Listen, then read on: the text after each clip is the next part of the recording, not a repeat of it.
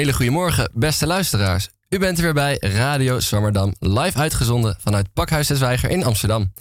Ik ben Matthijs de Kuilen. Aan mij is het genoegen deze uitzending te presenteren. En dat doe ik met niemand minder dan Bouke Kok. Goedemorgen, Bouke. Goedemorgen.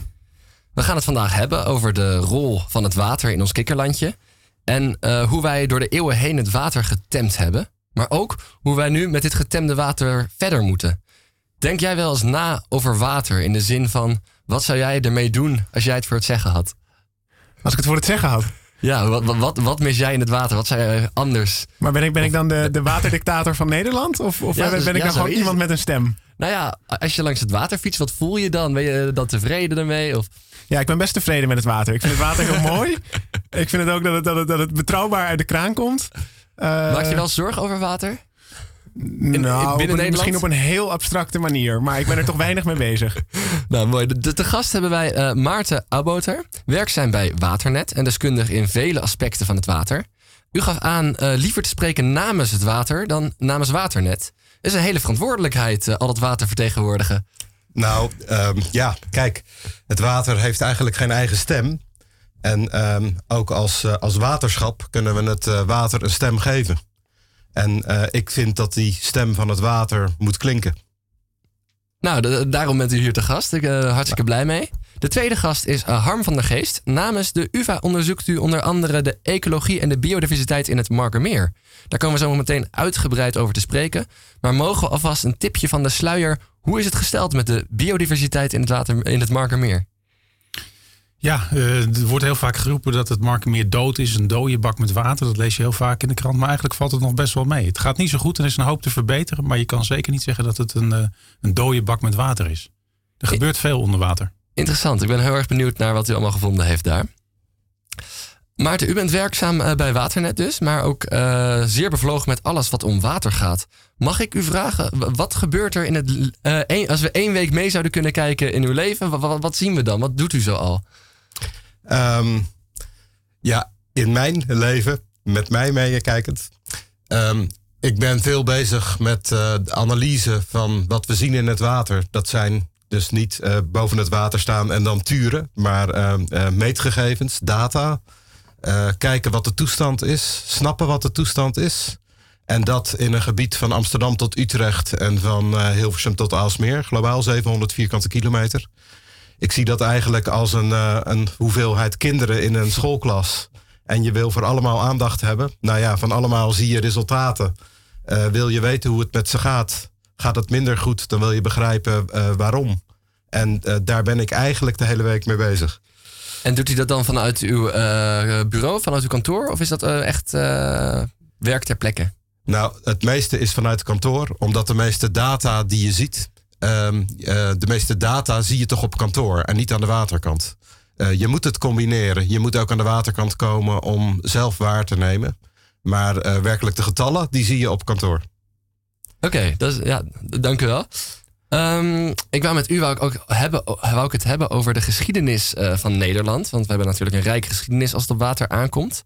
En om de status quo te begrijpen, hoe we nu met het huidige watermanagement zitten, eh, leek me kort om terug te kijken. En dan wou ik beginnen bij ehm, ehm, het, het polderen natuurlijk. Zo is het ooit begonnen. Ehm, hoe gebeurde dat toen? En gebeurde het nog steeds op dezelfde manier?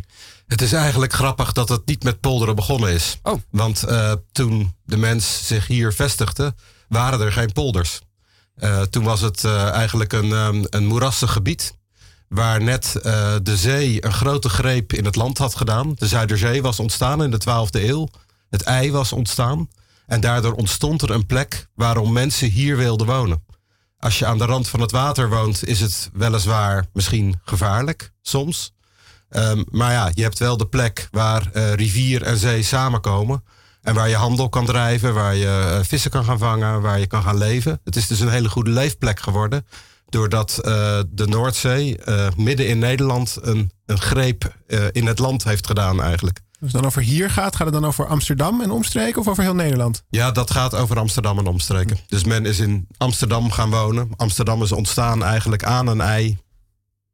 En Amsterdam was toen, nog, eh, was toen al boven water. eh, want Nou, men kon er toch vestigen.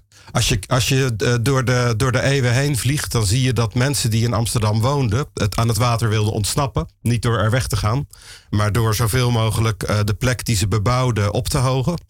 Het grondwater is namelijk ook dichtbij. Niet alleen het zeewater en het rivierwater, maar ook het grondwater is dichtbij. Dus ga je huizen bouwen, eh, eh, ja, heeft men eh, grond aangebracht. grachten gegraven eigenlijk om grond aan te plempen, zodat die huizen wat hoger stonden. En men heeft een plek gecreëerd, als het ware een terp. En Amsterdam is wat dat betreft, en zeker Amsterdam tot, nou laten we zeggen 1930, tot de afsluitdijk gesloten werd, is Amsterdam altijd op een terp ontwikkeld. Want eh, dus er waren al mensen en toen bedacht men, we willen het land willen we ook, eh, kunnen, ook kunnen bebouwen, eh, lopen, bewandelen. En daardoor is een heel systeem ontstaan, begrijp ik. Van Ja. de verschillende waterschappen. Ja, men, men is het water gaan, gaan ja, verzorgen, maar ook gaan, gaan beheren, zodat het een leefbare plek bleef. En ehm, eigenlijk maakte men de plek zelf, wat dat betreft, onleefbaarder. Doordat als je het land gaat gebruiken, gaat het omlaag. Je haalt het, het, is een veengebied. Als je een veen ontwatert om het te gaan gebruiken, dan gaat het omlaag. En zo heeft men eigenlijk... zakt het land in, bedoel je? Dat, het land zakte in. En, en die polders, de noodzaak tot polderen, is dus gecreëerd eh, door de mensen zelf. Hè, door het land omlaag te malen. Maar goed, toen het onderzeeniveau kwam, is men gaan malen. Met molens, met, later met pompen. En er is een heel systeem ontstaan, wat eigenlijk op eh, nou ja, 24 uur basis, op dagelijkse basis, zo werkt eh, dat je er geen last van hebt. En dat je met het water overweg kan. Want er wordt altijd veel over gesteggeld, over de waterpeil. De ene provincie wil een, eh, wil een andere hoogte. Voor een één gebied is een andere hoogte beter dan voor een ander gebied. Hoe, hoe wordt dat uitonderhandeld? Wat dan, hoe dat gemanaged wordt? Ja, eh, nou, daar begon het inderdaad mee. Wanneer zijn we gaan polderen? Dat was toen het, eh, toen het land zakte en eigenlijk eh, het op zeeniveau kwam. En daarna eronder, hè, want het ging gewoon door. Ja. En toen is men gaan onderhandelen van ehm, eh, wat investeren we op welke plek om welk waterpeil te hebben. En dat zijn aanvankelijk poldergesprekken van mensen die in een buurt wonen en met elkaar praten. Wat willen we hier? En ehm, eigenlijk zijn die polderschappen, die zijn steeds groter geworden. De schaal is ook daadwerkelijk groot. Eh, ons watersysteem is verbonden met de lek bij Wijk bij Duurstede en voert af bij IJmuiden. Dus je hebt het eigenlijk over een flink stuk Nederland. En ons water bedoel je het nu mee, toch? Of? Nou, ik bedoel eigenlijk het watersysteem van ons mensen die Ah. wonen in dit gebied. Ja, ja, ja. Eh, onze leefomgeving. Ja. Die strekt zich uit in een systeem vanaf Wijk bij Duurstede tot IJmuiden, zou je kunnen zeggen. Als je dat als poldertjes beheert, dan is de schaal eigenlijk te klein. Prettig voor de mensen die daar wonen, maar niet prettig voor de hele afvoer en aanvoer van water op een veel landschappelijker schaal. En daarom zijn al die schappen steeds groter geworden. Eh, we hebben nu een grote organisatie die nog steeds dat polderen doet. En ook nog steeds over de vierkante meter in polders met mensen praat. En eh, ja, eens in de zoveel tijd afspraken maakt. Hoe gaan we het de komende tijd doen? En dat is in wezen het waterschap. Oké. En u sprak eh, zojuist al eventjes over de, bouw van de afsluitdijk. Dat is door de mensen een hele bewuste keuze geweest van... hey, we willen dit water willen we afsluiten. We willen dat dit geen zee meer is. Ehm, hoe is dat zo gekomen? Het is eigenlijk een mooi verhaal. Er waren plannen eh, voor eh, inpoldering, zou je kunnen zeggen, van de Zuiderzee al in de 19e eeuw. Op dat moment was het de droom van een aantal mensen, van wie Cornelis Lely er een was. Ehm, maar die droom die werd niet overgenomen door de politiek. Men wilde niet zo'n investering doen. Eigenlijk is er uiteindelijk een ramp eh, nodig geweest. Nodig. Ja, eh, een ramp heeft zo uitgewerkt dat eh, de, de ideeën wel bij elkaar kwamen. En na de ramp van 14 januari 1916 overnacht is eigenlijk de Zuiderzee zo ingebroken in waterland. Eigenlijk wilde de Zuiderzee nog groter worden. Ja, ja, ja. Eh, eh, en eh, dat leidde tot schade, met name ten noorden van Amsterdam. Want En toen kwamen de handen op elkaar om de Zuiderzee te gaan beteugelen en de Zuiderzeewerken te beginnen, waar uiteindelijk de afsluitdijk, mei 1932, eh, is het gesloten. Uiteindelijk het resultaat van is geweest. het vind ik toch interessant dat het eh, altijd een ramp dan voor nodig is... om de volgende actie te bewerkstelligen. Want eh, in de jaren 60, als ik me niet vergis... was natuurlijk de watersnoodramp... die ook, het, eh, de, ook zijn impact achtergelaten heeft. 1953. 53, Ja, ah. ja, ja. Ja, ik, eh, als je naar recenter kijkt. Uh, Venetië heeft een grote uh, ramp gehad in november, 4 november 1966. U zit goed in de data. um, men is uh, in, de, in de decennia daarna gaan ontwerpen aan een stormvloedkering. Uh, daar is men aan het bouwen gegaan. En deze november. Een vergelijkbaar systeem als in Nederland. Een vergelijkbaar systeem als in Nederland. 53 jaar na de ramp van 1966 is er een bijna zo grote ramp geweest.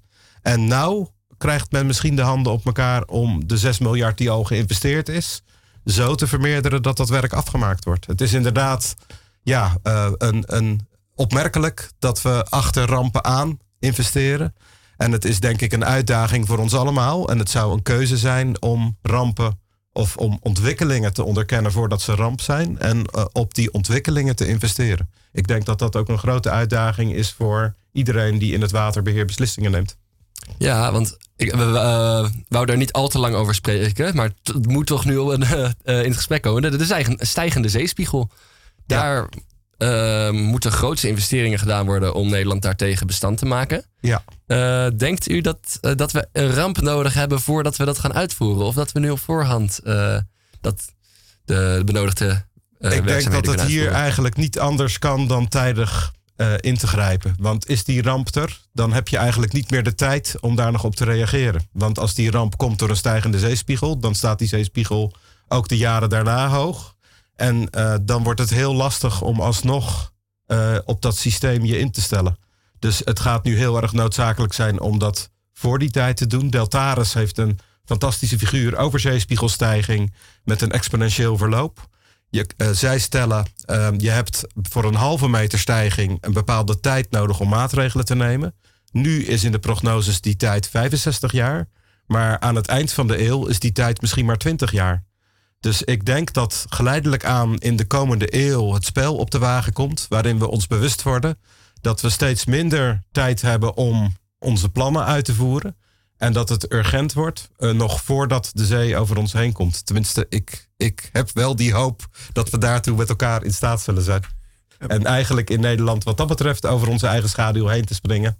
Om uiteindelijk deze plek bewoonbaar te houden.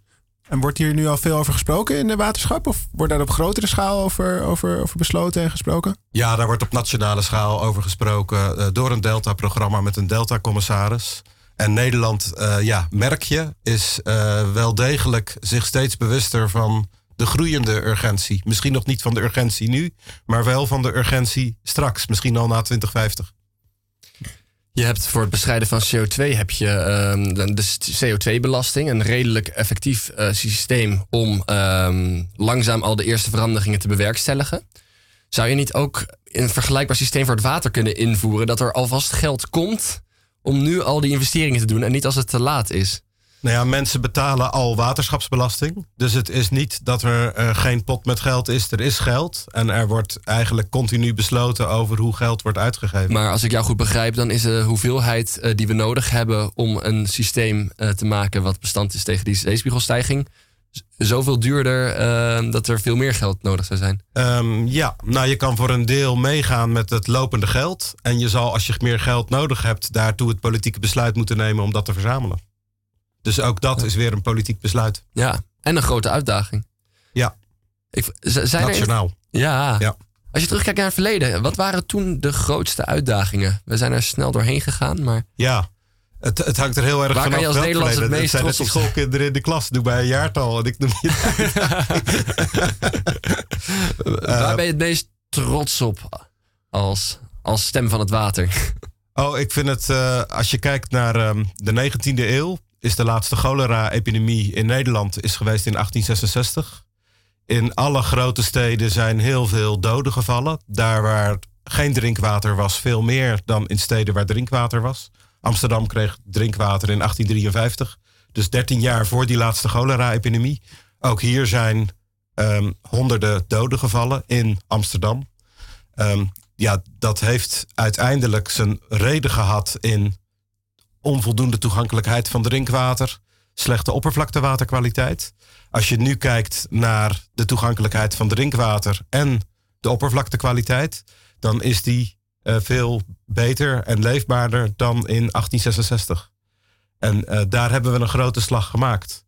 De slag die daar direct achteraan moet komen, is dat dat water niet alleen niet in de weg moet zitten, maar dat dat water blijkt een, deel, een belangrijk deel van onze leefomgeving te zijn. En ehm, waar het goed is voor ons, is het goed voor plant en dier. En het bewustzijn om in een ecologisch volhoudbaar bos te wonen, systeem te wonen. Uh, uh, als termieten. Ik maak vaak de vergelijking van een termietenheuvel met termieten die in een bos wonen. De termieten moeten niet alleen hun, heuvel bouwen, maar die moeten ook het bos onderhouden om uiteindelijk uh, vol, volhoudbaar leven te hebben. Ja, die uitdaging die komt nu heel erg op ons af. Eigenlijk na het overwinnen van een ziekte als de cholera, moeten we ons in deze tijd gaan bekommeren om hoe houden we onze, ja, onze leefomgeving leefbaar. Harm, jij doet, als ik het goed begrijp, onderzoek naar uh, dat bos van deze termietenhoop. Ja, in ieder geval naar een onderdeel van het bos. Het onderdeel van voornamelijk bos. onderzoek in het Markenmeer. Dat is hier op een eh, steenworp afstand. Als je op het dak zou staan en je gooit een steen, dan, dan ben je er al bijna. Het is, het is vlakbij. Een enorme grote oppervlakte water, 700 vierkante kilometer. En het is een onderdeel van, van dat bos waar Maarten het eigenlijk over heeft. Het gekke wat ik dan altijd vind, want ik ben het helemaal met Maarten eens. Hè, we moeten met z'n allen dat bos onderhouden. Maar toch zie je eigenlijk dat dat helemaal niet zo leeft uh, bij de mensen om ons heen. Ze, ze nemen het maar aan dat, ja, dat, dat je hier kan wonen en werken en eten en drinken. En ze zien het niet zozeer de waarde van dat water om ons heen. Ik weet niet of jij dat ook merkt. Ja, dat is misschien wel de mensheid erg platgeslagen. Het is wel degelijk aanwezig uh, uh, in onze maatschappij dat er over bekommerd wordt en dat er over, um, ja, dat er zorgen. Je hoort mensen met zorgen. Uh, het is niet in zijn algemeenheid dat iedereen er langs heen leeft, in mijn beleving. Maar aan de, aan de bottom line gaat onze leefomgeving nog steeds achteruit. Dus de optelsom van alle mensen in onze samenleving, of van al ons handelen eigenlijk, is toch dat we te veel druk geven op onze leefomgeving, op het bos. Ja, dat, dat ben ik wel met je eens. Maar ik denk dat er dan veel meer gevoel is bij uh, dingen als de Veluwe of een, uh, een echt bos met Ja, bomen. In plaats van een onderwaterbos wat in het water bevindt. In dat opzicht is, uh, kijk naar onze natuurbeschermingsorganisaties in Nederland. Die hebben toch met name aandacht voor de bovenwaternatuur.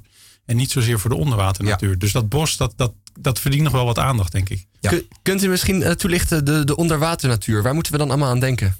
Ja, dat is natuurlijk altijd lastig. Hè? Want je moet jezelf maar eens voorstellen dat je naar een, eh, een sloot of naar een meer loopt. En dan ga je aan de rand staan. En wat zie je nou eigenlijk? Hè? Ik bedoel, het, het is nat, het is een beetje blauw of een beetje groenig. Je, je valt er liever niet in. Je valt er liever niet in. En als het waait, dan zie je nog een beetje golven. En voor de rest zie je daar niet zo heel erg veel.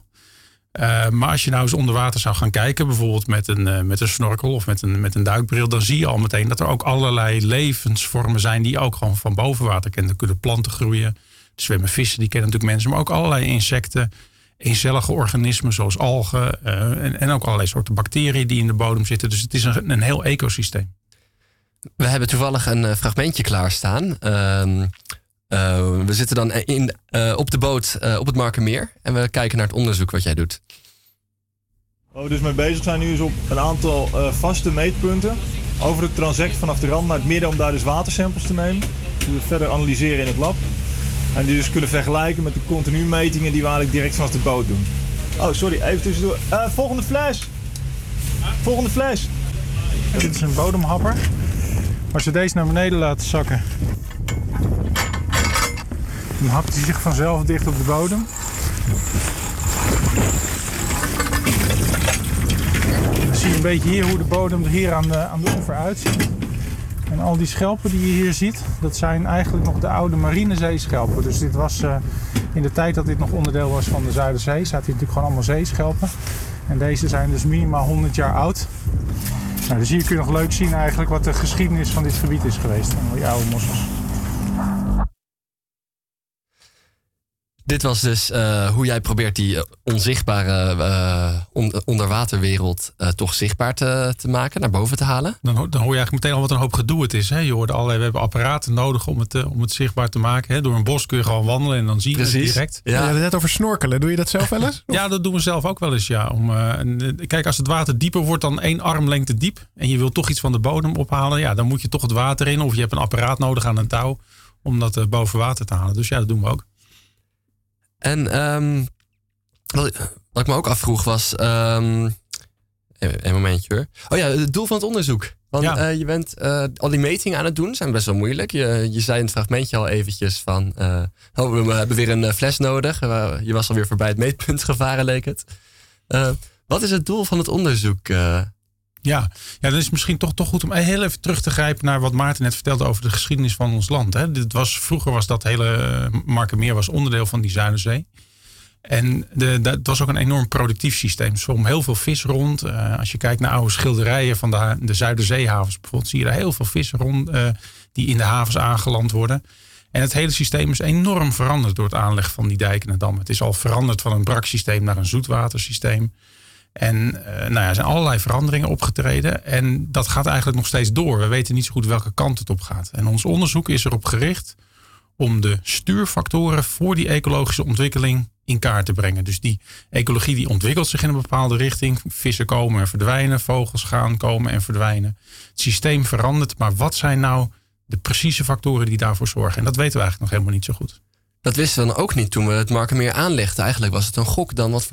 eh, leven daar zou ontstaan. Nou, de- ja, dan kijk ik toch weer even naar Maarten. Ik weet helemaal niet of daar zo heel erg over nagedacht is. Ze wisten natuurlijk dat het zoet water zou gaan worden. Maar ik weet eigenlijk helemaal niet of daar heel veel aandacht is geweest in die tijd voor de ecologie. Weet jij dat? Nou, het is een belangrijk deel van die onderneming is geweest om ook droogmakerijen te beginnen. Hè? Eh, Dus eh, Noordoostpolder, eh, de Flevopolder, eh Marker, Markerwaard. Nee, Markerpolder, hoe zou die ja, de hebben? waard. eh, ja. Ja, de, eh, als die aangelegd was. Dus het was ook het, het beteugelen zo dat je van water land maakt. Hè? Eh, eh, graan voor vis, om het maar zo te zeggen. Ja. En dan was het belang van vis eigenlijk eh, minder groot. Ik weet wel dat toen Amsterdam is gaan besluiten in 1906 om het rioolwater naar de Zuiderzee te pompen.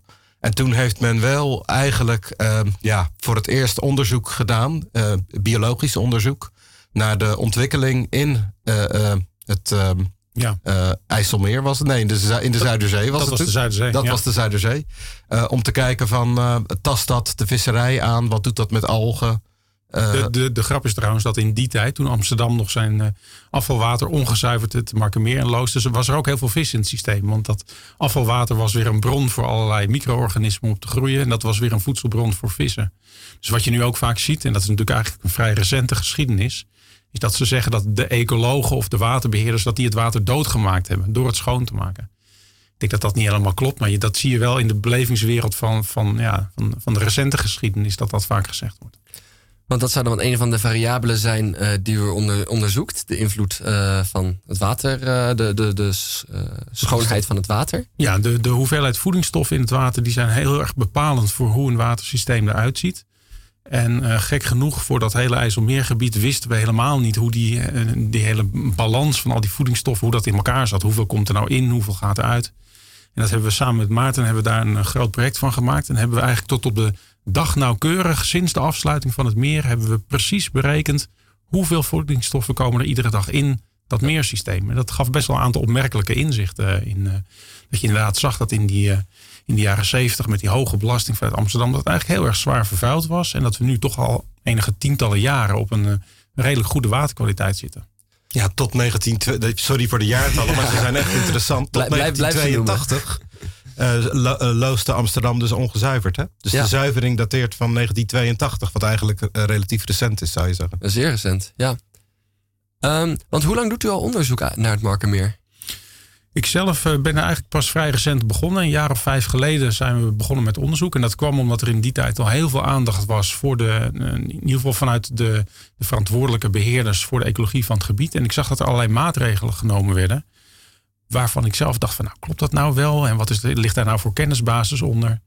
En toen ben ik zo'n vijf jaar geleden, dacht ik van nou, ik ga zelf daar eens kijken. Zijn we met een klein bootje dat meer opgevaren. En dat eindigde met een eh, reddingsactie door de reddingsbrigade. Oh jee. En toen kwam ik erachter, nou, het is eigenlijk toch wel een, een uniek en bijzonder systeem. Het is heel groot. En, eh, en eh, nou ja, toen zijn we begonnen met het opstellen van een onderzoeksprogramma. En was u toen al werkzaam aan de UvA? Of heeft u dat helemaal zelf zelfstandig opgezet? Nee, ik was, ik was werkzaam bij de UvA. Ik ben van oorsprong marinebioloog, dus in het zoutwater. En eh, ik ben vanaf de grote rivieren, heb ik ook onderzoek gedaan. Uiteindelijk terechtgekomen in, in polderslootjes. Steeds meer modder, in kleine, in, in kleine, kleine watersystemen rondom Amsterdam. En zo'n vijf jaar geleden ben ik eigenlijk weer overgestapt naar het grote water. Ja. Is, het, is het gebruikelijk dat een bioloog die ergens interesse in heeft... er zomaar met een bootje op uittrekt? Of was dat ook wel een unieke onderneming? Nou, dat is op zich natuurlijk een vrijheid die je wel hebt als wetenschapper. Hè? Kijk, Ja. je hebt natuurlijk ook gewoon een, eh, je moet ook wel verantwoording afleggen. Maar als ik op een gegeven moment denk van dit is, lijkt mij een belangrijk eh, ding om te onderzoeken, dan, eh, dan heb je wel de vrijheid om dat te gaan doen. Dus ja, we zijn er gewoon op uitgetrokken en we hebben een aantal waarnemingen gedaan. En dat is wel de start geweest van een nieuwe onderzoekslijn. En hoe gaat het dan? Dan spreek je een paar collega's aan en dan zeg je... zullen we eens het Markermeer opvaren? Of? Ja, in dit geval was dat inderdaad een van die collega's die je ook net in dat, eh, in dat fragmentje hoorde. Die, eh, wij werken nog steeds veel samen. En eh, we hebben inderdaad samen een plan bedacht. En dat begint natuurlijk meestal bij het stellen van een hypothese. Hè. In de wetenschap stel je een hypothese. Ja. En, dan, en dan ga je proberen of je daar een waarneming aan kan doen. En ehm, wat zijn de eh, grootste antwoorden die je al gevonden hebt sinds de, sinds de vijf jaar aan metingen? Ja, eh, een van de dingen waar wij naar kijken. We hebben het net gehad hè, over de aanleg van het hele watersysteem. Met die dijken die ons moeten beschermen tegen de, de, de zeespiegelstijging. Of tegen, tegen het hoge water eigenlijk. En, de- we hebben goed over nagedacht van wat betekent dat nou eigenlijk voor die organismen. Want voor een vis kan je misschien nog voorzwemmen. Hè? Als, eh, voorstellen als die richting een dijk zwemt. Dan, dan stoot hij gewoon zijn neus tegen die dijk en dan kan hij niet verder. Dus dat is een van de dingen waar wij onderzoek aan doen. Aan, aan vismigratie. Maar voor heel veel andere organismen, ja, die zien zo'n dijk helemaal niet. Moet je even proberen in te leven in zo'n micro-organisme, zo'n alg die in het water zweeft. Die, die weet niet dat die dijk daar is. Maar heeft hij daar dan toch last van? Daar hebben we geprobeerd onderzoek naar te doen. En we hebben eh, veel metingen gedaan aan bijvoorbeeld die instroom van die voedingsstoffen in het water. Maar ook naar de koolstofkringloop. Dat is een heel belangrijke factor in eh, de ontwikkeling van ecosystemen. En dan zie je dat zelfs die micro-organismen last hebben van de aanleg van dijken. Als in de zin, er, zijn er minder van na het plaatsen van een dijk? Of hoe, hoe doe je daar goed onderzoek naar? Heb je- een duidelijke situatie voor en na zo'n dijk? Voor en na een dijk, dat is vaak heel erg lastig. En het heeft denk ik in dit geval ook niet zo heel erg veel zin te kijken om naar een voor- en na situatie. Want voor de dijk was het zout of brakwater en nu is het zoetwater. Dus het hele systeem is ook veranderd. Dus we kijken wel naar referentiesystemen, maar dat zijn vaak andere zoetwatermeren die in Europa zitten. Maar veel vaker proberen we gewoon het proces zelf te onderzoeken. En met een goede hypothese dan eh, te kijken hoe het, er, eh, eh, ja, hoe het systeem nu draait. En dan kan ik wel een klein voorbeeldje geven van die dijk bijvoorbeeld. Hè? Die, de, Graag, ja. de aanleg van de, van de houtripdijk tussen Almere, of tussen, Enkhuizen en Lelystad. Die heeft ervoor gezorgd dat het water in het Markermeer veel langer stilstaat dan daarvoor. Het blijft nu al zo'n twee jaar. ehm, blijft dat water in dat systeem. Eh, terwijl het daarvoor misschien gewoon doorspoelde richting de Waddenzee of weer terug het, eh, het systeem in. En dat heeft ervoor gezorgd dat die hele nutriëntenhuishouding voor die algen die daar weer op groeien veranderd is. Dus dan is er wel degelijk een directe relatie tussen de dijk en de groei van die, eh, van die algen. En als je dan bedenkt dat die algen weer voedsel zijn voor kleine watervlootjes en die watervlootjes weer voor de vissen en de vissen weer voor de vogels, dan zie je dat dat uiteindelijk doorwerkt op het hele, het hele ecosysteem. En wat zijn de grote vragen die nog onbeantwoord blijven? Eh, Eindigt dit onderzoek ooit? Of kan je voor eeuwig op het Markermeer eh, metingen doen? Ja, eh, onderzoek op zich eindigt natuurlijk nooit. Maar wat denk ik een grote uitdaging is in dit systeem. ehm, als we het nou ecologisch nog veel willen versterken en robuuster willen maken. En dat we daar als mensen ook weer beter van kunnen profiteren zoals nu. Hoe ga je dat nou doen? Want een dijk weghalen, is een, dat, dat kan niet. En als je de, de dijken rond de Flevopolders weg zou halen, zou Almere onderstromen of Lelystad. Dus dat is een, dat is een, eh, een no-go. Maar dan kun je toch bedenken, zijn er nou manieren te verzinnen waarop je wel weer iets van die natuurlijke processen die vroeger in het gebied waren, dat die weer terug eh, kunnen komen. En dat zijn vaak ook weer technologische oplossingen. Dus we hebben het met technologie, met dijken bouwen, hebben we het systeem veranderd en verarmd.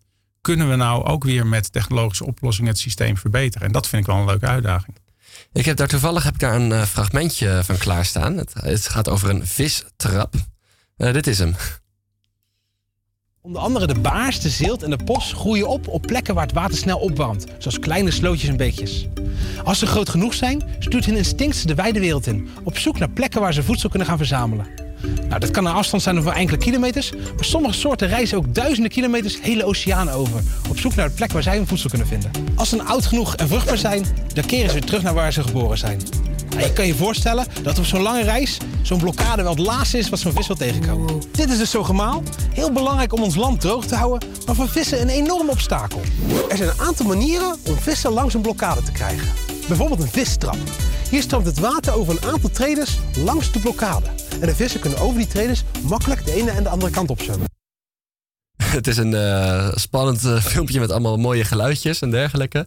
Eh, hebben jullie ook al uh, zulke soort vistrappen mee geëxperimenteerd of metingen aangedaan? Nou, dus er zijn heel veel manieren om vissen weer van de ene kant van de dijk naar de andere kant te krijgen. Of van de ene kant van de sluis naar de andere kant. Ja. Toevallig is hier, hier vlak in de buurt van waar wij nu zitten, zijn de oranje sluizen. Die verbinden eigenlijk het ei met het Markermeergebied. En dat is een potentieel hele belangrijke passagepunt voor vissen. Bijvoorbeeld over die paling waar het over gaat, om doorheen te zwemmen. En daar heeft Rijkswaterstaat een aantal van die vispassages gemaakt. En uh, de vraag is natuurlijk maar wel, hoeveel zin heeft dat? Uh, het kost heel veel geld, dat soort maatregelen. En hoe goed werken ze nou eigenlijk? Van een aantal soorten, en dat zijn meestal de commerciële soorten, weten we vrij veel.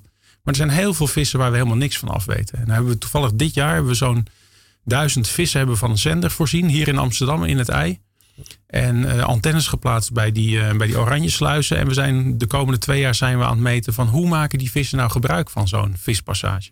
En als je dat weet, ja, dan kun je kijken of dit soort maatregelen heel uh, effectief zijn. Ja, dat is super interessant onderzoek. Bent u daar dus ook direct bij betrokken of zijn het collega's van u? dit onderzoek, ik werk bij de universiteit. Hè. Ja. Dit onderzoek wordt gedaan door een van mijn promotiestudenten, Rob Kroes. En die, is, die doet gedurende vijf jaar lang onderzoek aan dit soort vismigratie.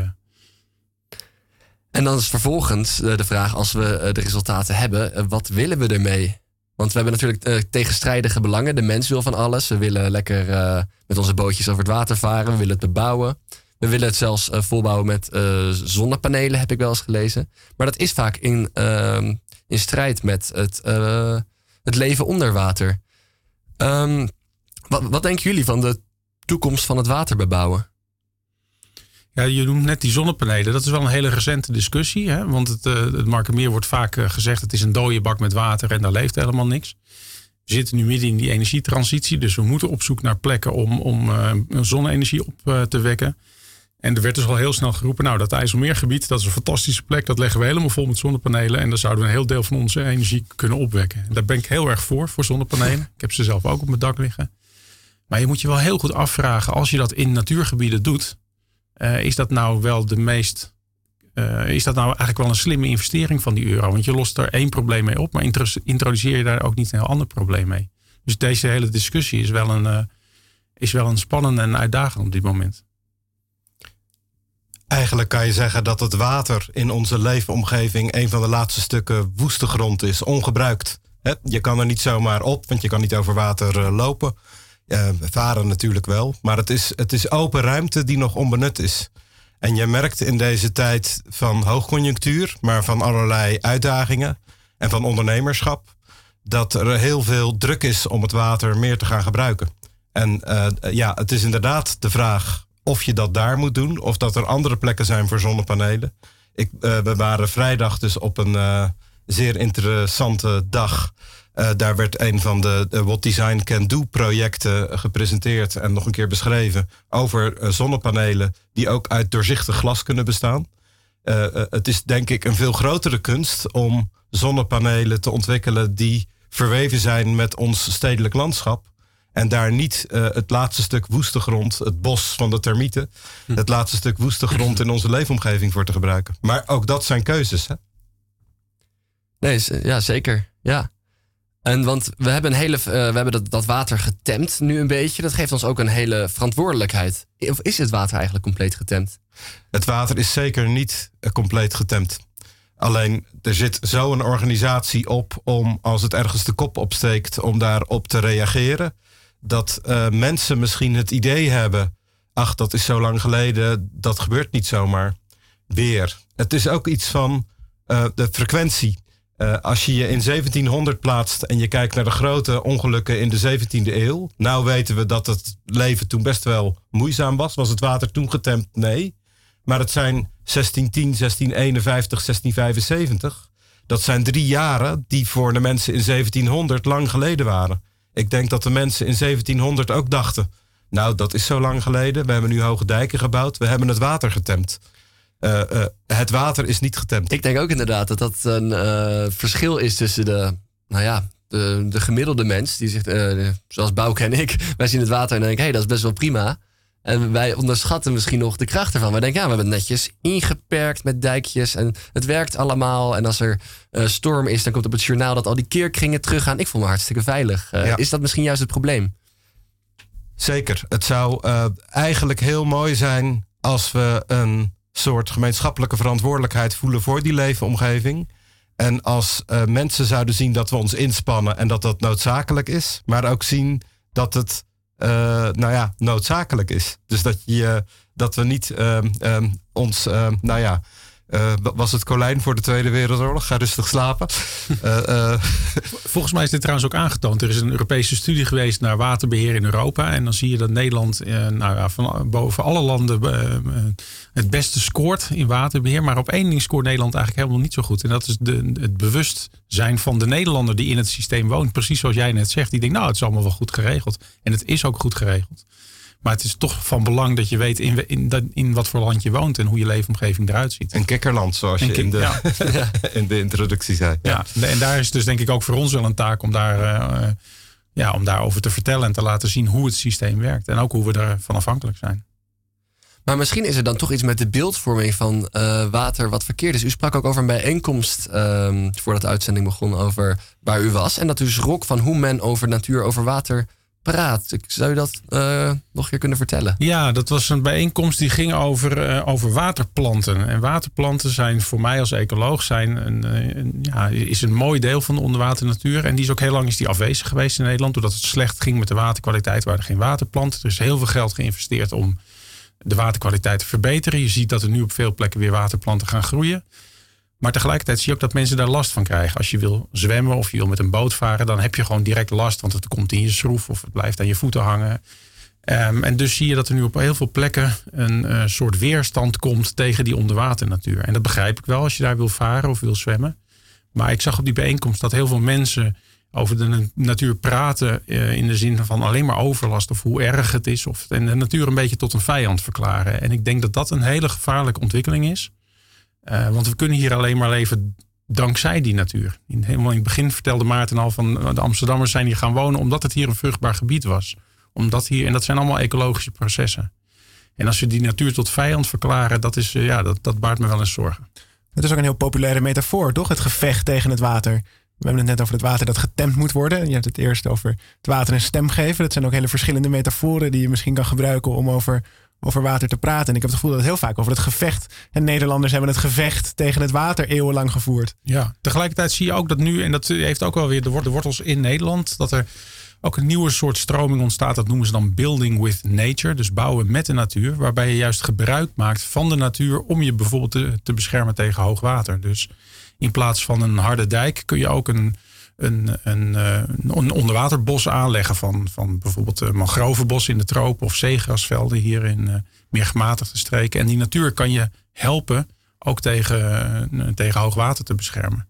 Ja, en juist als de druk eigenlijk in onze leefomgeving groter wordt, de druk van klimaat, de druk van bijvoorbeeld zeespiegelstijging, ook een, een uitvloeisel misschien van de verandering van het klimaat, maar wordt het ook steeds noodzakelijker om met de natuur mee eh, ons gebied bewoonbaar te houden en niet daartegenin. Dus wat jij constateert is eigenlijk eh, een vlucht de verkeerde kant op, hè? Ja, eigenlijk wel. Ja. Een mooi voorbeeld is misschien de, de, onze grote rivieren in Nederland. We hebben, eh, daar hebben we ook te maken met overstromingen en met hoogwater. Hè. In 1995, dan kijk ik even naar Maarten of het klopt. Hè. Klopt, hè, dat jaar, ja. Eh, hebben we grote overstromingen gehad bij onze grote rivieren. En dat heeft ook eh, geleid tot een, een heel actieplan. Dat hebben ze genoemd Ruimte voor de Rivier.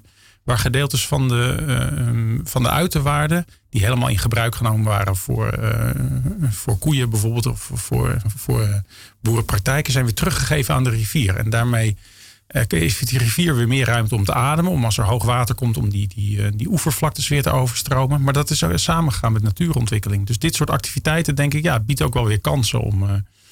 Maar je moet het wel hand in hand doen. En je moet niet tegen die natuur gaan vechten. Want dat, eh, Een erg mooie slogan vind ik. Als je het water de ruimte geeft, ligt het minder in de weg. nou ja, precies. Ja. En dat water de ruimte geven, eh, kan dat ook binnen stedelijke gebieden of is dat vooral aan de oevers? eh? Het is in de stedelijke gebieden zeer noodzakelijk dat we het water de ruimte blijven geven. Eh, Amst- in Amsterdam heeft het water ook ruimte. Als je naar de kaart van Amsterdam kijkt en je kleurt alleen het water, dan zie je heel veel kleur. Ja. Eh, de, eh, de grachten nemen veel eh, wateroppervlak in, in de stad. Dat is ook nodig omdat Amsterdam eigenlijk een deel van de delta is, van de Rijndelta. Dus een deel van het water wat bij Lobit ons land binnenkomt en via Wijk bij Duurstede uiteindelijk naar Rijmuiden gaat, gaat door Amsterdam. Het water heeft hier de ruimte nodig. En ik denk dat wat vooral aan de orde is, is misschien niet zozeer ruimte geven als wel ruimte blijven geven. Ehm, het is heel verleidelijk dat als er al zo'n twintig jaar geen grote rampen zijn gebeurd of er geen problemen zijn geweest, om het water te gebruiken. En dat zie je in Amsterdam steeds meer. Je ziet dat woonboten bijvoorbeeld onderkelderd raken. Die, dat worden in feite een soort van eh, ja, bouwsels tot bijna op de bodem. Die dus een heel stuk van de, de ruimte van het water eh, die het nodig heeft om te stromen innemen. Ja, dit doen we met elkaar en we zouden dit met elkaar niet, niet moeten doen. Dus we moeten vooral ruimte blijven geven eh, aan de ruimte die het al heeft, zal ik maar zeggen, en niet beperken. En trouwens ook voor de ecologie. Want je ziet al, nou, we hebben het vaak over biodiversiteit. Hè. Biodiversiteit op aarde gaat hard achteruit. Maar juist in stedelijke gebieden zie je dat het vaak ook kan toenemen. Dus er liggen ook kansen voor waternatuur in de stad. En ik denk dat we die ook moeten benutten. Ja, dan kan de ruimte eigenlijk voor het water goed samengaan. Hè, in kwantiteit en in kwaliteit. Ja. Ja. Maar ik denk wel dat hier weinig bewustzijn ook voor is. Want ik, ik zou ook intuïtief zeggen van, nou ja, een kelder onder je woonboot. Wat, wie, wie, doe je daar nou, eh, wie doe je daar nou kwaad mee? Niemand ziet het. Nee, precies. Ja, we hadden het beeld vrijdag op die dag. eh, eigenlijk heb je een grote schaal met pepernoten staan. Ja. En iedereen denkt, ach, ik neem er één. En er is een hele schaal vol en het is oneindig. Ik denk dat we moeten constateren, als je kijkt naar wat er leeft in het water, is dat een goede maat. De pepernoten zijn op. En we moeten eigenlijk een bewustzijn hebben dat er geen oneindige ja, ruimte is om dingen te nemen. één enkele pepernoot uit de schaal. Maar dat we, als we dat met z'n allen doen, de schaal leeg eten. En ehm, eh, dat mag misschien met Sinterklaas, maar niet in onze leefomgeving. Maar aan, wie is die verantwoordelijkheid dan om te stoppen met eh, pepernoten eten? Ja, eigenlijk, eigenlijk aan, de, aan de community, dus aan de gemeenschap. Eh, ehm, Maar dat is verdomd lastig. en dat is heel lastig, want dat is het, het privébelang versus het collectief belang, om het zo maar te zeggen. En, Ehm, en het is dus extra lastig omdat je het niet ziet. Als er een boom gekapt wordt in een straat, dan komt de straat komt in, het, eh, in het geweer, want dat zie je direct. Maar inderdaad, on, nou ja, je zegt het net zelf al, eh, onder een woonboot, je ziet niet wat daar zit of wat daar. eh, dat maakt het extra lastig. Nee, maar Je zou kunnen zeggen, misschien zijn het wel overheden die dan, maar geeft de overheid daar dan een vergunning voor? Ja, maar die overheden die treden in, het, die, die, die treden in actie op het moment dat eh, de kiezers met elkaar zich bewust zijn dat je als gemeenschap een gemeenschapsbelang hebt. En, eh, en een overheid in staat stellen om eh, nou ja, dit te reguleren. En nou is vaak ook misschien een sentiment. Ja, maar hou dat toch niet tegen, want er zijn genoeg pepernoten. Neem een stukje, er is genoeg. En de, eh, de belangen zijn zo ver- verschillend. Dat, ik denk dat er genoeg stemmen zijn die zeggen... ja, dat water is prima, dat is mooi decoratief. De toeristen komen erop af. Eh, laat het lekker decoratief zijn. Of er leven in zit of niet, dat boeit ons niet... zolang we er niet in zwemmen. Ja, en dan denkt men, eh, eh, wij, eh, wij willen gebruiken wat we gebruiken. Ja. En, de, en eigenlijk het wal keert pas de schip als je het niet meer kan gebruiken. Bijvoorbeeld met de waterplanten in, in het Eemmeer. Ehm, ja, en dat is niet terecht, want het, het, je maakt je leefomgeving eerder kapot dan dat die op is. En als je snapt wat ik bedoel. En, en het is belangrijk om daar eerder met elkaar. En dat is een uitdaging waar ook geen goede antwoorden op zijn. Hè? Dat is Ja. een, eh, een zoektocht. Want we hebben het nu over woonboten gehad... die de druk verhogen op het water. Eh, letterlijk. Eh, z- z- zijn er nog meer ehm, dingen, stromingen die gebeuren... Die, eh, waarvan jij zegt, hey, pas op? Nou, men, men ziet bijvoorbeeld als je ergens ruimte voor nodig hebt, eh, waar zullen we dat doen? Nou, dat vind je niet meer zomaar op de wal. Wat is op het moment de vierkante meterprijs als je een huis mag om bouwen? woningen te bouwen. Ja, bijvoorbeeld. Laten we het op het water doen. Als je het water daarmee geen ruimte meer geeft, ja, dan kan het dus niet meer bij, in geval van eh, dat het nodig is, er doorheen stromen. Maar ook als je je leefomgeving dicht smeert met eh, gebruik en er dus geen ruimte meer is om een eh, ja, gezond bos te hebben voor de termieten, denk ik dat we onszelf op de langere termijn ons welzijn aantasten. En daar ligt een grote collectieve uitdaging. Die dus niet is voor een enkeling of alleen voor een politicus of alleen voor iemand die onderzoek doet in het water. Maar dit is een maatschappelijke uitdaging voor iedereen die leeft in de stad. En een uitdaging om, om, om daar meer dat bewustzijn verhoogd te krijgen. Als, als er een noodbel zou hangen op de bel, zou je die ringen? Ja. En wat zou je dan doen? Mensen komen naar je toe en dan. Ja, dan. dan ik, ik constateer toch een probleem in bewustzijn. Of, een, of dat, dat, we niet allemaal op hetzelfde vlak liggen. Ja, dat is er. Het is, het is onzichtbaar. Het zijn vroege signalen die we zien. Eh, want wat is het belang van een waterplant die verdwijnt? Dat heeft geen economisch belang. Het is eerder een, ja, wat je wel noemt een, eh, een early warning. Dus een, een, een, vroege, een vroeg teken van er is iets niet in orde. En, en eh, het is precies waar we het net over hadden.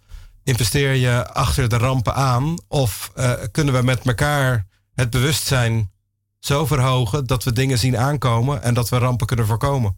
En, en dat is eigenlijk een maatschappelijke uitdaging. Ja, ik denk dat er ook onvoldoende bewustzijn is dat het onderdeel is van een heel groot systeem. Hè? Om nog weer even terug te komen op het begin. We zijn hier gaan wonen omdat het zo'n productief systeem was met al die vissen.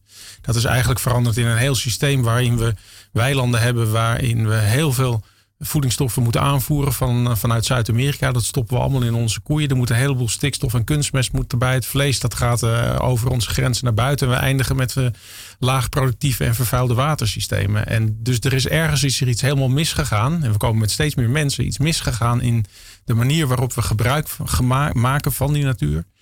Uh, om zelf ook te kunnen overleven. Dus we moeten ook het systeem, denk ik, beter begrijpen als mensen. We zijn, het, is niet, het is geen speeltuin, die natuur, waar je een beetje kan recreëren in het, uh, in het weekend. Maar het is een onderdeel van ons bestaan. U, zegt ja, we moeten ook meer, uh, meer, meer nog onderzocht worden. Ik heb toevallig nog één fragmentje klaarstaan. Um, of, even kijken hoor. En toevallig steeds ja, fragmentjes. Ja, ik ben, uh, ja, we hebben één fragmentje over studenten die onderzoek doen. Dat studentje zoek ik. Het staat misschien verkeerd aangeschreven in het manuscript, maar uh, hij staat klaar. Een zestal studenten stond gisteren langs de waterkant van de Florisvijver. Deze studenten maken deel uit van kenniscentrum Noorderruimte. Ze onderzoeken de kwaliteit van het water. In totaal onderzoeken de studenten 15 vijvers in de stad. Het is erg belangrijk dat de kwaliteit gecontroleerd wordt tijdens dit warme weer. We gebruiken nu dus uh, Caddisfly. Dat is een, uh, een appje. En met behulp van het appje kunnen we met uh, een aantal teststrips heel gemakkelijk een aantal uh, doen. Zoals um, fosfaat kunnen we meten, nitraat, pH, um, elektrische geleiding van het water. En dit appje die slaat het eigenlijk meteen op in een database. En uh, dat is dus ontzettend handig. Dan kunnen we meteen in een kaart zien en kunnen we die data analyseren. We spraken over uh, gedeelde verantwoordelijkheid. Ik moest uh, denken aan, een, aan de vogeltelling die jaarlijks plaatsvindt. Dat heel veel mensen doen daaraan mee. En dit is ongrijpbaarder. Wat deze studenten doen, die hebben een, een, meetkit waarin ze zelf betrokken kunnen raken. Zouden we meer zulke soort dingen kunnen promoten om die bewustwording van het water te vergroten? We hebben een, een, een, aantal jaren zijn we bezig geweest met mensen in, uit de stad met citizen science uh, projecten. Dus mensen met meetkits laten meten, laten meten. Mensen willen graag meten in hun meetomgeving en die getallen te delen. Ik denk dat er heel veel muziek zit in het licht aandoen. Uh, data die we als overheden hebben delen, maar ook mensen zelf ja, de, de kracht te geven om in het water te kijken en hun eigen waarnemingen te doen daar zit een enorme kracht en een, um, en een mooie positieve weg om dingen in zicht te brengen die misschien onvoldoende in zicht zijn. Dat bedoelt u dus ook met het licht aandoen, het op een positievere manier brengen en niet alleen maar ramp en verdoemenis. Nee, ik bedoel ook het onzichtbare onder water ah, zichtbaar te maken. Oh, tuurlijk, ja. En, en het water een stem te geven eigenlijk, hè? Uh, en ook wat er leeft in het water een stem te geven. Ja, je, je kan niet luisteren wat het water zegt als je niet hoort. Nee, als je blind bent, kan je niet zien. um, ik ben heel eventjes mijn vraag. Ik heb anders nog wel een vraag. Um, want we hebben het nu steeds over het vergroten van bewustzijn. Maar jij uh, zegt ook iets over um, de, juist de complexiteit van het systeem en hoe, hoe, hoe, hoe dingen allemaal met elkaar verknoopt zijn. En in hoeverre kun je van mensen verwachten dat ze zulke complexe, verknoopte ecologische systemen eh, doorgronden? In hoeverre kun je verwachten dat daar een soort, soort diep bewustzijn is van mensen die er een keer met, met, met metingen op uitgaan? En wat, wat, wat voor hoop hebben jullie daar precies, eh, precies bij? Ja, op zich heb je gelijk dat het natuurlijk een heel complex systeem is. Hè? Dat, ik bedoel, dat is wat wij onderzoeken. En als je naar de details gaat kijken, dan is dat ook complex. En heb je misschien complexe methodes nodig om dat allemaal in kaart te brengen. Maar tegelijkertijd, als je jezelf als mens gewoon als onderdeel ziet van het ecosysteem op aarde. En je bent gewoon een van, van de dieren die hier ook leeft. Dan is het denk ik toch helemaal niet zo heel moeilijk voor te stellen. Dat je voor je voedsel en voor alles, dat je gewoon afhankelijk bent van die natuur. En ik weet niet precies waarom dat ja, misschien toch een beetje losgezongen is geraakt. Dat heeft misschien wat te maken hoor met het feit dat we ons eten in plastic bakjes uit de supermarkt halen. Of uh, ik denk dat dat een, een, een, soort van sociaal vraagstuk is. Maar er is een soort, uh, ja, een soort scheiding ontstaan tussen ons. We hebben onszelf een beetje buiten die natuur geplaatst. Dus ik weet niet of dat nou per definitie heel complex hoeft te zijn om je dat te realiseren. Het is een. Uh... Nee, dus je wil dan meer een verandering in wereldbeeld dan, dan echt een soort inderdaad diep bewustzijn van. Of, of, of uh, diep inzicht in ecologische processen bij mensen. Ja, ieder zijn vak uit, uh, uiteindelijk. Dus dat, ik denk dat dat niet per se nodig is om dat, om dat bewustzijn te kweken. Maar... Nou ja, en het is dus niet alleen die gedeelde verantwoordelijkheid heb je, maar ook um, moet de, politiek moet ook weten wat er speelt, wat, men wilt, toch?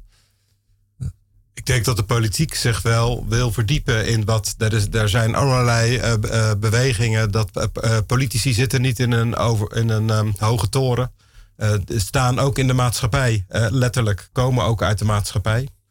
Um, dus ik denk dat daar het probleem niet zit. Um, maar, maar toch hoor je daar hele andere belangen die daar veel belangrijker worden gewogen dan de belangen die vandaag aan tafel gekomen zijn. Nou, ik denk dat je daar wel het diverse geluid vandaan hoort. Van, uh, en, en dat het er daar vooral om gaat. Welke keuzes moeten we maken om een goede toekomst te hebben? En dat dat gesprek daar ook wel gevoerd wordt. Het is niet daar, uh, ja, daar. Ik denk ook dat, niet dat je kan spreken over de politici. Want inderdaad, het is ook een, een afspiegeling van de samenleving. Maar ja. ik merk wel degelijk dat er politici zijn ik vind het eigenlijk nog steeds bevreemdend dat je nog steeds dingen eh, toestaat eh, die uh, gewoon uh, een directe negatieve impact hebben op onze leefomgeving. Dat zou een soort van randvoorwaarde voor mij moeten zijn. Prima, doe wat je wil, ontwikkel economieën die je wil en dat kan ook prima. Maar zorg voor een soort basislaag waarin je ja, in ieder geval met geen negatieve footprint overlaat voor de toekomstige generaties. En dat, dat, dat gebeurt nog steeds in de politiek, worden allerlei dingen toegestaan waarvan je nu kan zeggen van ja, daar zadel je de volgende generaties met problemen mee op. Want in de politiek zitten meestal geen wetenschappers. Het idee is dat ze moeten luisteren naar wetenschappers. Zou het niet ook een idee zijn om juist wel meer wetenschappers in de politiek te brengen? Om ze stemrecht te geven, om, om, om te zorgen dat daar meer tussen gebeurt? Nou ja, wetenschappers kunnen zich ook verkiesbaar stellen. Dus ja. ik geloof op zich best in het systeem van, van onze politiek. Maar en, en toch heb ik het idee dat, dat die stem niet genoeg uh, nou, het is, het is misschien te makkelijk om de uitdaging die we als maatschappij hebben helemaal bij de politiek te leggen. Ik denk dat je dat vooral ook naar de mensen, naar de, naar de luisteraars, uh, naar de, iedereen die in de stad woont, uh, moeten we met elkaar aantrekken van maar waar leven stel, we? Stel, wat zijn de uitdagingen ja, van deze de politiek zijn wij ook. Dus maar stel, ja. ja. Oké, okay, ik ben het helemaal met je eens, maar wat moet ik doen? Ik, als, als luisteraar. Ja, ja, ja, als luisteraar, als presentator. Ja. Ik weet dat is heel makkelijk om te zeggen: jij moet het met elkaar hebben. We moeten het debat aangaan. We moeten bepalen wat we willen. Maar um, er moet iets gebeuren. Ja. Dat kan niet vanuit een individu. Misschien is het al een eerste stap als er een zoektocht is naar wat we moeten doen. En dat dat een maatschappelijk uh, uh, debat is. Zodat niet iedereen pepernoten neemt onder het mom van het is er maar eentje. Ja, en daar hebben wetenschappers zoals uh, Harm van der Geest voor. Uh. Ja, nou, maar goed, dat is ook de reden waarom ik hier vandaag nog weer zit. Hè? Dus uh, uiteindelijk moet je het gesprek met elkaar aangaan en moet je ook ja, de dingen met elkaar delen. Dus daarom ben ik hier vandaag. Super. Allebei ontzettend bedankt dat jullie hier wouden zijn. Maarten Auboter en Harm van der Geest. Um, Hannook deed vandaag de techniek en die zet ook vandaag de aflevering online. Bouke was mijn co-presentator. Beide ontzettend bedankt. Wil je deze of andere afleveringen terugluisteren? Dan kan dat via onze website radioswammerdam.nl. Of je kan ons vinden via Spotify, Soundcloud of Apple Podcast. Wil je reageren op deze uitzending? Dan kan dat via Facebook, Twitter of stuur een mailtje naar redactie.radioswammerdam.nl. Mijn naam is Matthijs Terkuilen. Volgende week is er weer een nieuwe uitzending. U luisterde naar Radio Swammerdam en ik wens u nog een fijne zondag.